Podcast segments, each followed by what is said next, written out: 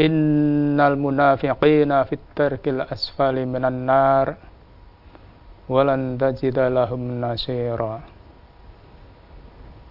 Sesungguhnya orang-orang munafik ditempatkan pada tingkatan paling bawah dari neraka. Dan kamu sekali-kali tidak akan mendapatkan seorang pun penolong bagi mereka. Na'udzubillah Mudah-mudahan kita tidak termasuk golongan orang munafik seperti ini.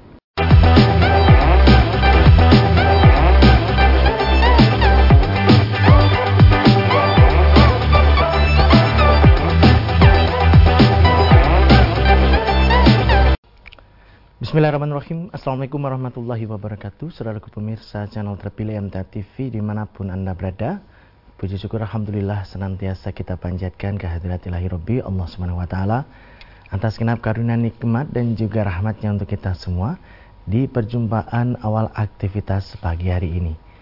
Kita jumpa kembali di program unggulan Fajar Hidayah dan Alhamdulillah sudah hadir Ustadz Sunarno yang nanti akan melanjutkan pelajaran sekaligus memberikan pencerahan untuk kita semua si kesempatan kali ini.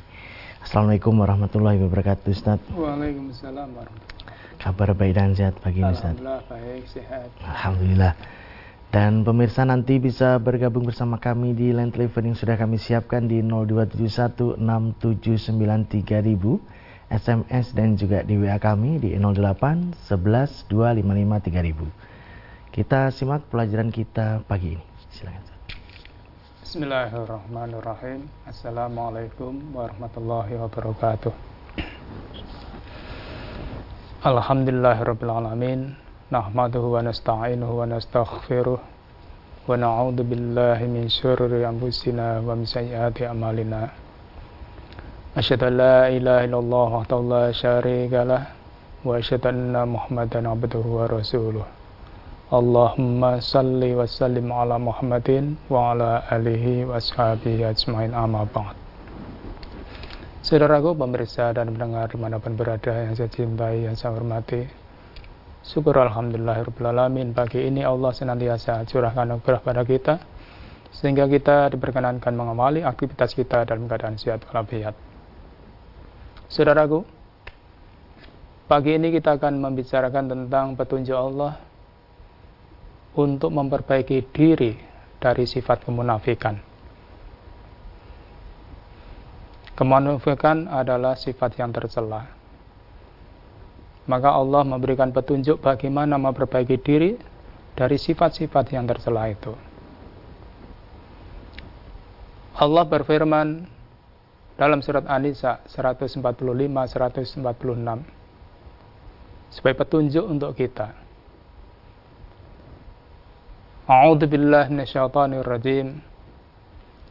Innal munafiqina fit tarkil asfali minan nar walan tajida lahum nasira.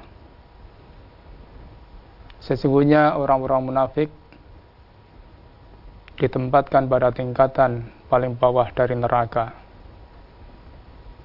Dan kamu sekali-kali tidak akan mendapatkan seorang pun penolong bagi mereka.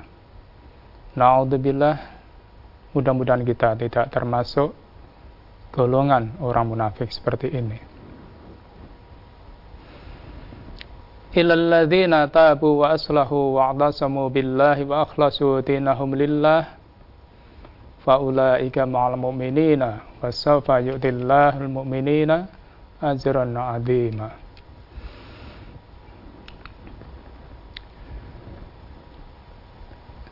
Maka dari ayat 146 ini, surat An-Nisa ini, kita diberikan petunjuk bagaimana memperbaiki diri dari sifat-sifat kemunafikan itu.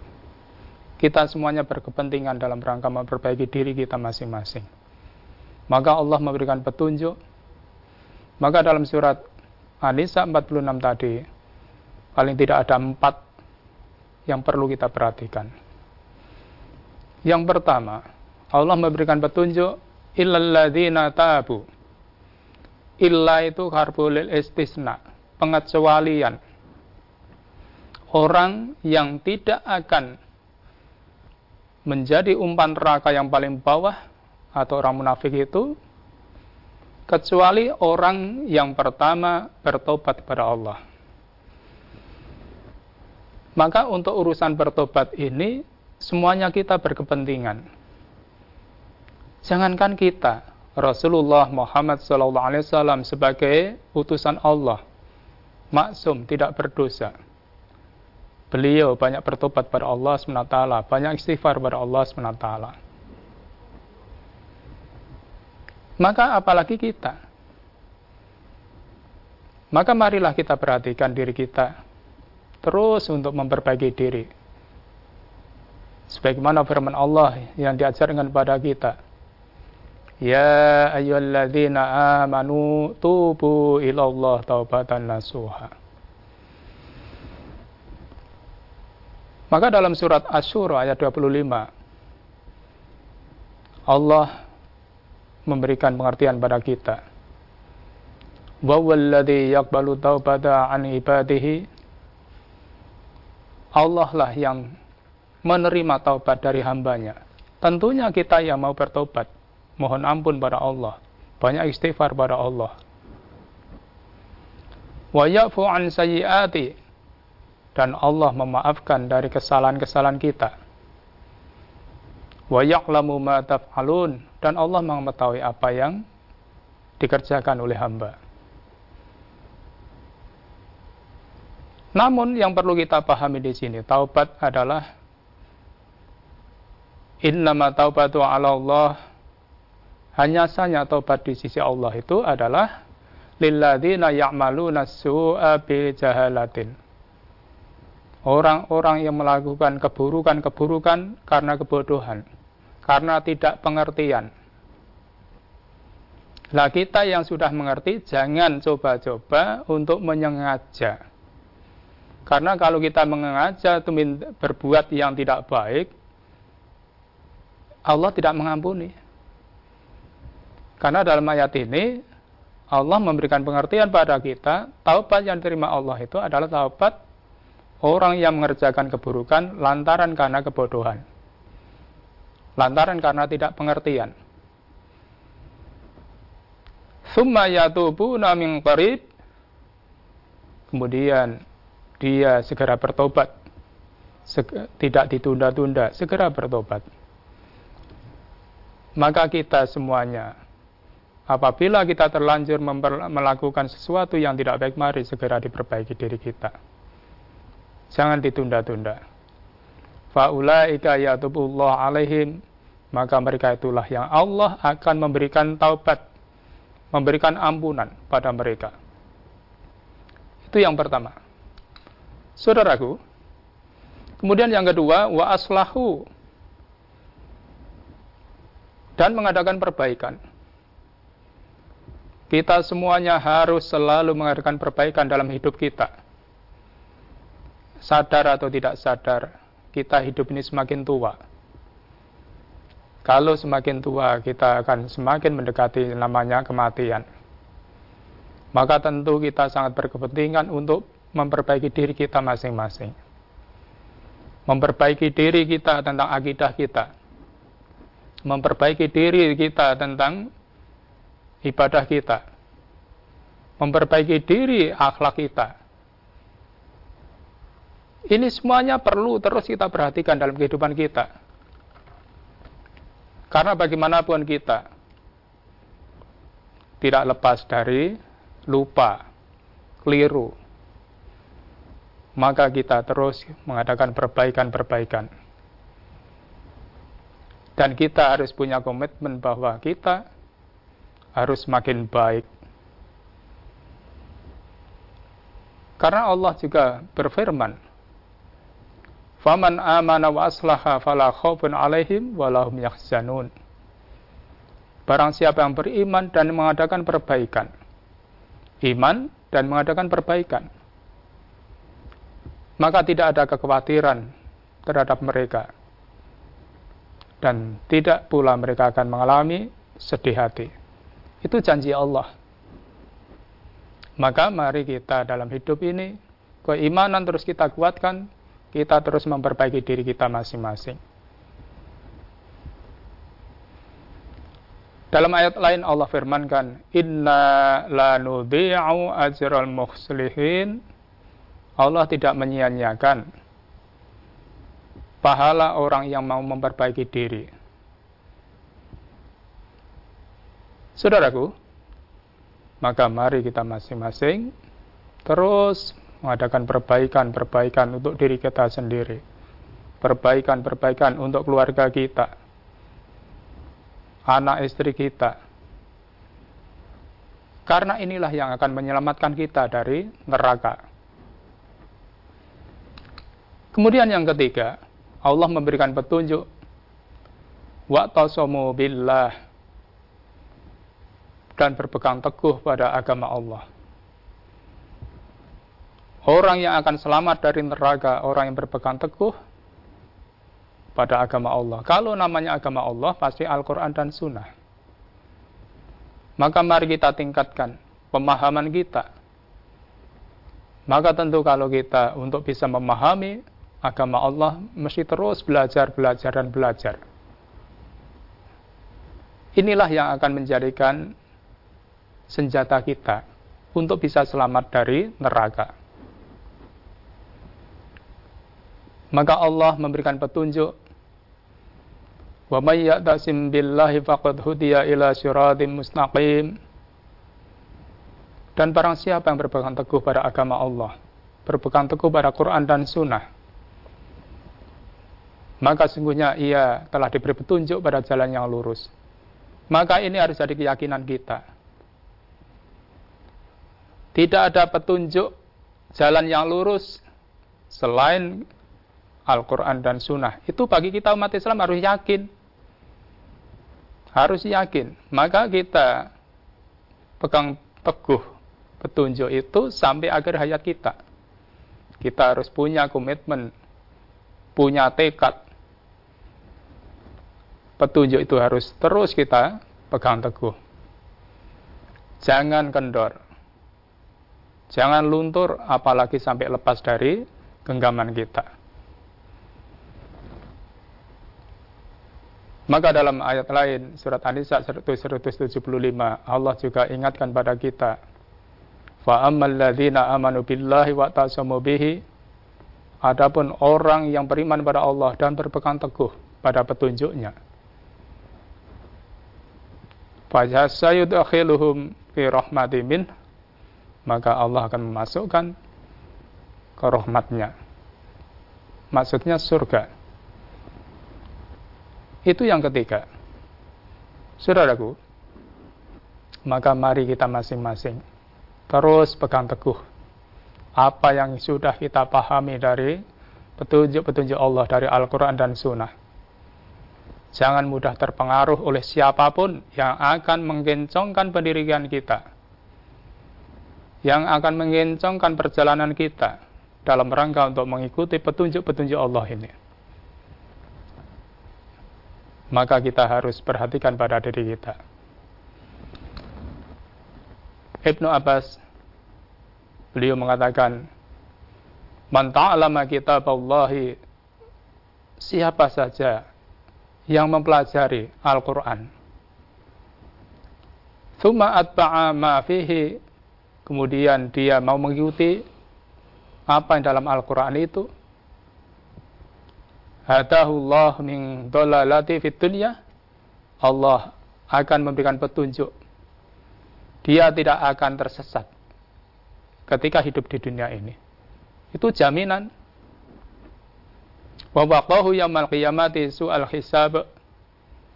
Dan nanti di akhirat Allah akan menyelamatkan kita dari keburukan hisab. Saudaraku, maka ini keuntungan bagi orang yang mau berpegang teguh pada petunjuk-petunjuk Allah. Kemudian yang keempat, Allah memberikan petunjuk wa akhlasu dinahum lillah. Yang keempat adalah ikhlas tulus ikhlas dalam menjalankan agama Allah. Ikhlas itu tidak semudah yang diucapkan. Maka kalau kita ikhlas semuanya untuk lillah, maka kita dalam hidup ini harus selalu didasari apa yang kita lakukan karena billah, karena fillah, dan karena lillah. Itu harus jadi pegangan kita. Maka orang yang ikhlas itu tidak akan pernah takut dicela orang dan tidak akan semakin tersanjung kalau dipuji orang itu semuanya menjadikan racun kita yang tidak menjadikan kita ikhlas. Kalau itu kita takut dicela, kita suka dipuji, itu keikhlasan hilang dari kita. Maka tentu kita akan berpegang petunjuk pada petunjuk Allah dalam surat An-Nisa 125. Waman ahsanu dinam mimman aslama wajhahu lillah wa huwa muhsinun. Dan siapakah yang lebih bagus agamanya? Daripada orang yang ikhlas menyerahkan dirinya kepada Allah, sedangkan dia pun mengerjakan kebaikan-kebaikan. Maka kita, mari kita terus kita pegang teguh. Keikhlasan kita kita jaga. Karena itulah yang akan membuat kita sampai akhir hayat kita nanti. Insya Allah mudah-mudahan selamat. Maka dalam ayat yang lain Allah juga memberikan petunjuk pada kita. Qul innama aidukum biwahidah. Katakan Muhammad, sesungguhnya aku hendak memberikan pelajaran pada kamu satu hal saja. Wa'idun itu kan pelajaran. Antaqumu lillah masna wa furoda. Hendaklah kamu menegakkan agama Allah dengan tulus ikhlas baik sendiri-sendiri maupun bersama-sama. Inilah petunjuk-petunjuk Allah pada kita. Saudaraku, maka kita juga diingatkan oleh Rasulullah Muhammad SAW dalam hadis riwayat Al-Bazar dan Al-Baihaqi disebutkan Ya ayuhan nas hai manusia akhlisu a'malakum ikhlaslah kamu dalam beramal. Ini kita. Kita diingatkan. Wa inna Allah tabaraka wa ta'ala la yaqbalu min a'mali minal a'mali Allah tidak akan menerima suatu amal illa ma kecuali yang ikhlas karena Allah SWT. Maka kalau ini semuanya bisa kita laksanakan, maka jaminan Allah lanjutan ayat surat An-Nisa tadi faulaika ma'al mu'minina mereka itulah yang akan nanti dipersamakan orang-orang yang beriman wasawfa yu'tillahul mu'minina ajran azima dan nanti di akhirat Allah akan memberikan balasan pada orang beriman pahala yang besar yakni surga saudaraku tentu kita berharap semuanya untuk selalu bersama dengan orang beriman baik dunia maupun akhirat. Begitulah saudaraku, semoga bermanfaat untuk saya dan kita semuanya. Terima kasih. Ya. Baik pemirsa, kami harapkan Anda bisa bergabung bersama kami di line telepon 02716793000, SMS dan juga di WA kami di 08112553000. Namun sebelumnya kita akan simak beberapa informasi dalam rangkaian jeda pariwara berikut ini. Baik saudaraku pemirsa channel terpilih MTA TV di mana pun Anda berada, terima kasih Anda masih setia bersama kami, khususnya di program unggulan Fajar Hidayah pagi ini. Kami persilahkan kesempatan pertama di line telepon 02716793000. Halo, Assalamualaikum. Halo, Assalamualaikum. Baik, kita bacakan stat yang ada di WA dan SMS. Dari Bapak Sumanto di Kota Jambi. Ada tiga pertanyaan. Yang pertama, Ustadz pada saat raweh sholat witir imam baca kunut saya tidak ikut baca karena saya belum tahu tuntunannya. Yang demikian sikap saya sudah betul atau tidak Ustadz? Yang kedua, di antara sholat raweh ada bacaan sholawat Nabi dan saya diam saja karena belum tahu ilmunya. Apakah ada tuntunannya Ustadz? Yang ketiga, zikir sesudah sholat itu apakah harus dibaca setiap sholat wajib atau setiap sholat termasuk sholat sunat? Zikir yang ada di buku MTA tuntunan ibadah sholat Ustaz. Ya. Bapak Semanto di Jambi ya. Jadi yang pertama dan yang kedua saya jawab ya. Jadi dalam sholat taraweh membaca kunut kemudian membaca sholat nabi tentu bukan sholawat dalam atahiyat mesti ya maka karena kita itu belum mengerti apa yang dibaca oleh imam tadi ya kita diam kita diam kita tidak mengikuti kita diam sudah betul sikap Bapak. Karena apa yang dibaca yang kita belum mengerti, kita tidak perlu mengikuti. Sedangkan kita makmum itu kan harus menurut imam. Namun kalau itu yang kita belum paham dan kita belum mengerti, ya kita nggak perlu ikuti. Nggak perlu ikuti. Itu yang pertama dan kedua. Jadi sikap Bapak sudah benar. Kemudian masalah dikir itu sudah sama-sama kita pahami. Zikir yang ditentukan dalam sholat itu adalah urusan sholat setelah sholat wajib. Setelah sholat wajib, zikirnya sudah ditentukan. Karena bagaimanapun, zikir itu adalah juga salah satu rangkaian dengan sholat itu maka jangan kita tinggalkan. Lah kalau sholat sunnah lain masalahnya. Kalau sholat sunnah kita nggak perlu, nggak perlu. Lah kalau mau dikir, dikir apa? Ya dikir bebas, silahkan. Kita tidak menentukan apa yang tidak ditentukan oleh Rasulullah. Namun kalau dalam sholat wajib kan dikirnya sudah ditentukan. Maka itu kita ikuti. Begitu Bapak, semoga bisa dipahami. Ya. Kami persilakan di line telepon. Halo, Assalamualaikum. Ya, kita lanjutkan Ustadz yang ada di SMS dan WA kembali dari Bapak Tri di Purwodadi. Ustadz, ada berapakah tingkat manusia harus taat itu Ustadz? Ya, jadi dalam taat ini Bapak ya, jadi yang pertama memang ada lah kita ini sebagai orang beriman, taat itu kita sami'na wa atokna. Saya dengar dan saya taat. Itulah sikap orang beriman. Karena orang beriman itu idza da'a ilallah wa rasulihi Lalu diseru pada Allah dan Rasulnya tidak ada jawaban lain kecuali sami'na wa ata'na. Saya dengar dan saya taat. Nah kalau kita itu dalam hal ketaatan ya totalitas, tidak boleh pilih-pilih.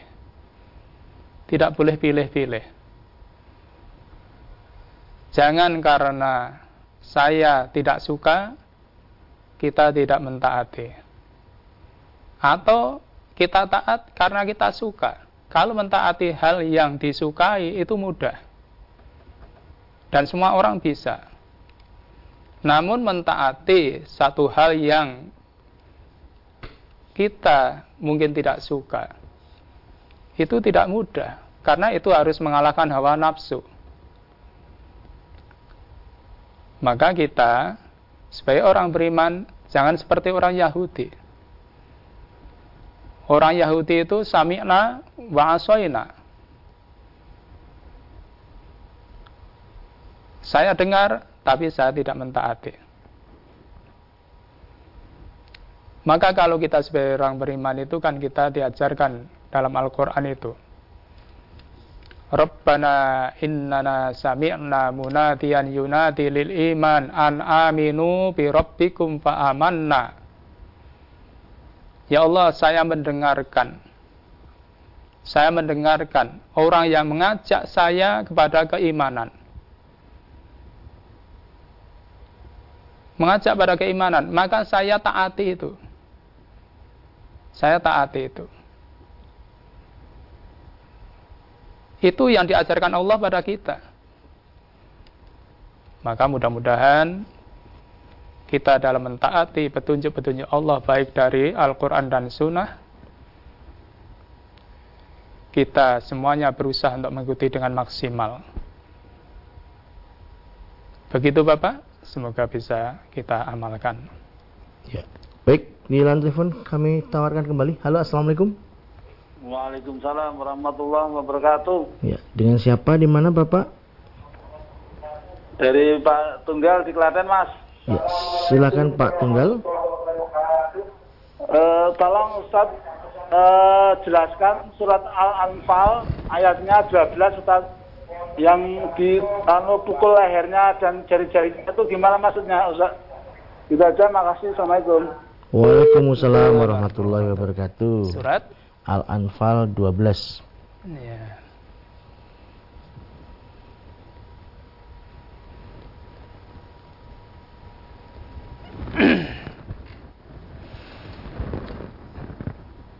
Jadi di situ ya Al-Anfal ayat 12 ya. A'udzu billahi minasyaitonir rajim. Yuhi rabbuka ilal malaikati anni ma'akum. Fasabbitu fasabbitul ladzina amanu. Itu ya pertama. Ingatlah ketika Tuhanmu mewahyukan pada para malaikat, sesungguhnya aku bersama kamu. Maka teguh, teguhkan pendirian orang-orang yang beriman. Itu yang pertama. Sa'ulqi fi qulubil ladzina kafaru ru'ba. Fadribu fawqal a'naqi wadribu minhum kulla banan. Kelak aku akan jatuhkan rasa ketakutan ke dalam hati orang-orang kafir, maka penggalah kepala mereka dan ponconglah tiap-tiap ujung jari-jari mereka. Di situ ujung jari di sini ialah anggota badan, tangan dan kaki. Itu dalam notnya ya. Jadi ujung jari itu adalah ditafsirkan anggota badan, tangan dan kaki. Jadi kalau kita tentang ayat ini tentu kan itu ketika zaman Nabi dulu ya. Untuk menghadapi musuh-musuh. Menghadapi musuh-musuh. Ini pelajaran. Maka kita jangan jadi orang kafir. Dari ayat ini yang penting kita ambil pelajaran supaya kita wastabbitul ladzina amanu maka dengan wahyu itu meneguhkan hati kita. Itu yang kita ambil pelajaran, bukan itunya. Bukan itunya. Apalagi kita di negeri kita yang kita cintai ini. Negeri yang aman, damai. Maka yang kita ambil pelajarannya, kita pegang teguh bagaimana dengan wahyu Allah itu semakin menguatkan, meneguhkan pendirian kita. Meneguhkan hati kita sehingga kita tetap dalam keimanan sampai akhir hayat nanti. Itulah yang harus kita perhatikan. Begitu Bapak, semoga bisa kita pahami. Ya. Kita lanjutkan yang ada di SMS dan WA. Berikutnya dari Ibu Sri di Purworejo. Ustadz, apa tanda-tanda seseorang itu ikhlas dalam beribadah dan mendapat ujian tidak menyenangkan? Ya. Jadi Ibu Sri ya di Purworejo. Jadi tanda-tanda orang ikhlas itu ya pertama kita harus paham tentang takdir ya. Jadi bagaimanapun apa yang kendaki Allah itu itulah yang terbaik untuk kita. Itu harus kita sadari.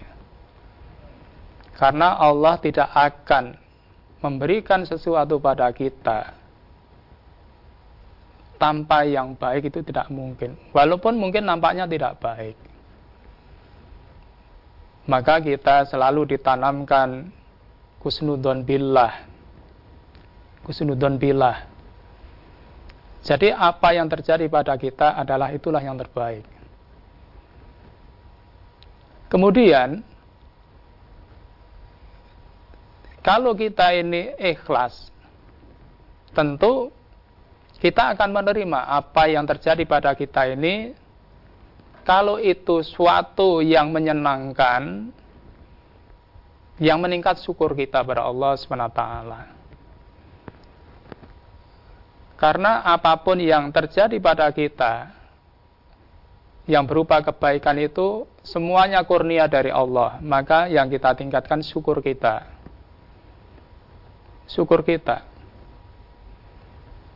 Bukan karena kepintaran kita, bukan karena apa, bukan. Lah kalau kebetulan yang terjadi sesuatu yang mungkin kita rasakan tidak menyenangkan, kita sabar. Kita sabar. Lah antara sabar dan syukur itu semuanya petunjuk dari Allah dan itulah kebaikan untuk kita. Dan itulah yang membawa kebaikan untuk kita. Apa pun yang terjadi. Itu mengenai apa yang terjadi pada kita. Kemudian yang berhubungan dengan pergaulan kita dalam kehidupan. Ciri-ciri orang ikhlas itu ya kalau kita pertama tidak semakin semangat kalau kita dipuji orang. Kalau kita semakin semangat ketika dipuji, ketahuilah semangat kita di situ tidak asli. Bukan karena ikhlas karena Allah. Karena apa? Ya karena kita dipuji tadi. Maka justru untuk menjaga keikhlasan, ketika kita dipuji kok tambah semangat, berhenti dulu. Berhenti dulu. Jangan-jangan saya semakin semangat ini karena pujian ini. Atau mungkin karena kita dicaci orang, dicela orang, kok kita kendor. Maka kalau kita dalam menjalankan suatu aktivitas yang itu kita yakini kebaikannya, betul, benar menurut petunjuk Allah dan Rasulnya, namun ketika dicaci orang lain kok kita kendor, apalagi berhenti, ketahuilah di situ tidak ada keikhlasan pada diri kita. Maka kalau itu terjadi ketika kita tidak caci orang, terus kita berjalan, terus. Jangan berhenti. Jangan-jangan saya berhenti ini karena saya kecewa karena dicaci orang. Itu namanya tidak ikhlas. Maka ketika kita dicaci, terus berjalan. Kalau itu yang kita yakini, terus kita jalankan. Jangan berhenti. Karena kita dipuji atau dicela, itu semuanya ujian. Bagaimana kita menghadapinya? Maka mudah-mudahan kita bisa ikhlas dalam kehidupan ini, baik itu dalam menerima apa yang terjadi pada diri kita, baik itu ketentuan dari Allah, apalagi hanya dalam pergaulan kita hidup di dunia ini. Itu semuanya pasti kita hadapi. Itulah sikap yang menyelamatkan diri kita insya Allah. Begitu Ibu, semoga bisa bermanfaat untuk saya dan kita. Terima ya. kasih. Masih ada kesempatan di line telepon berikutnya kami persilahkan. Halo, Assalamualaikum. Halo, Assalamualaikum. Waalaikumsalam. Ya, dengan siapa di mana Bapak? Saya dari hamba Allah dari Kuningan Jawa Barat, Pak.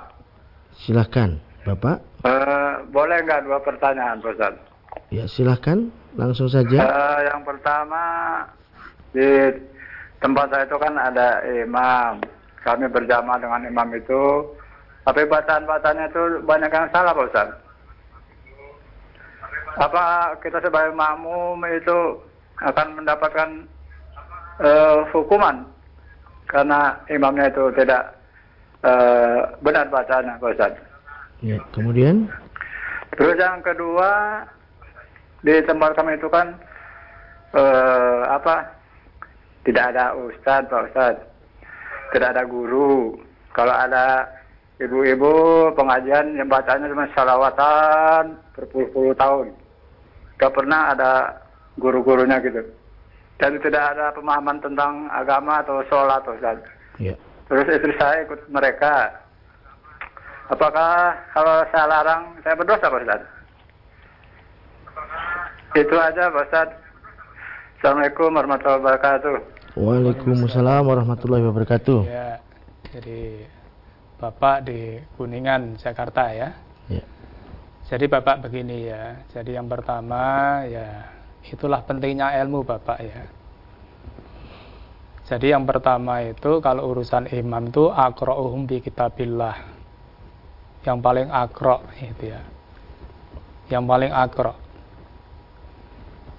itu tentu itu yang itu syarat yang nabi yang menunjukkan bukan kita. Bukan karena masalah suka dan tidak suka. Jadi syariat menuntunkan pada kita tentang jadi imam itu akro'um bi kitabillah. Wain fi qiraati sawa alamu bisunah yang paling paham tentang sunnah dan seterusnya begitu kemudian apakah makmum ikut berdosa kalau imamnya salah tidak bapak ya jadi salahnya imam tidak membawa kesalahan makmum jadi kesalahan imam tidak akan membawa kesalahan makmum Namun kebaikan imam akan membawa kebaikan makmum. Itu yang perlu kita pahami. Namun yang perlu diperbaiki imamnya tadi.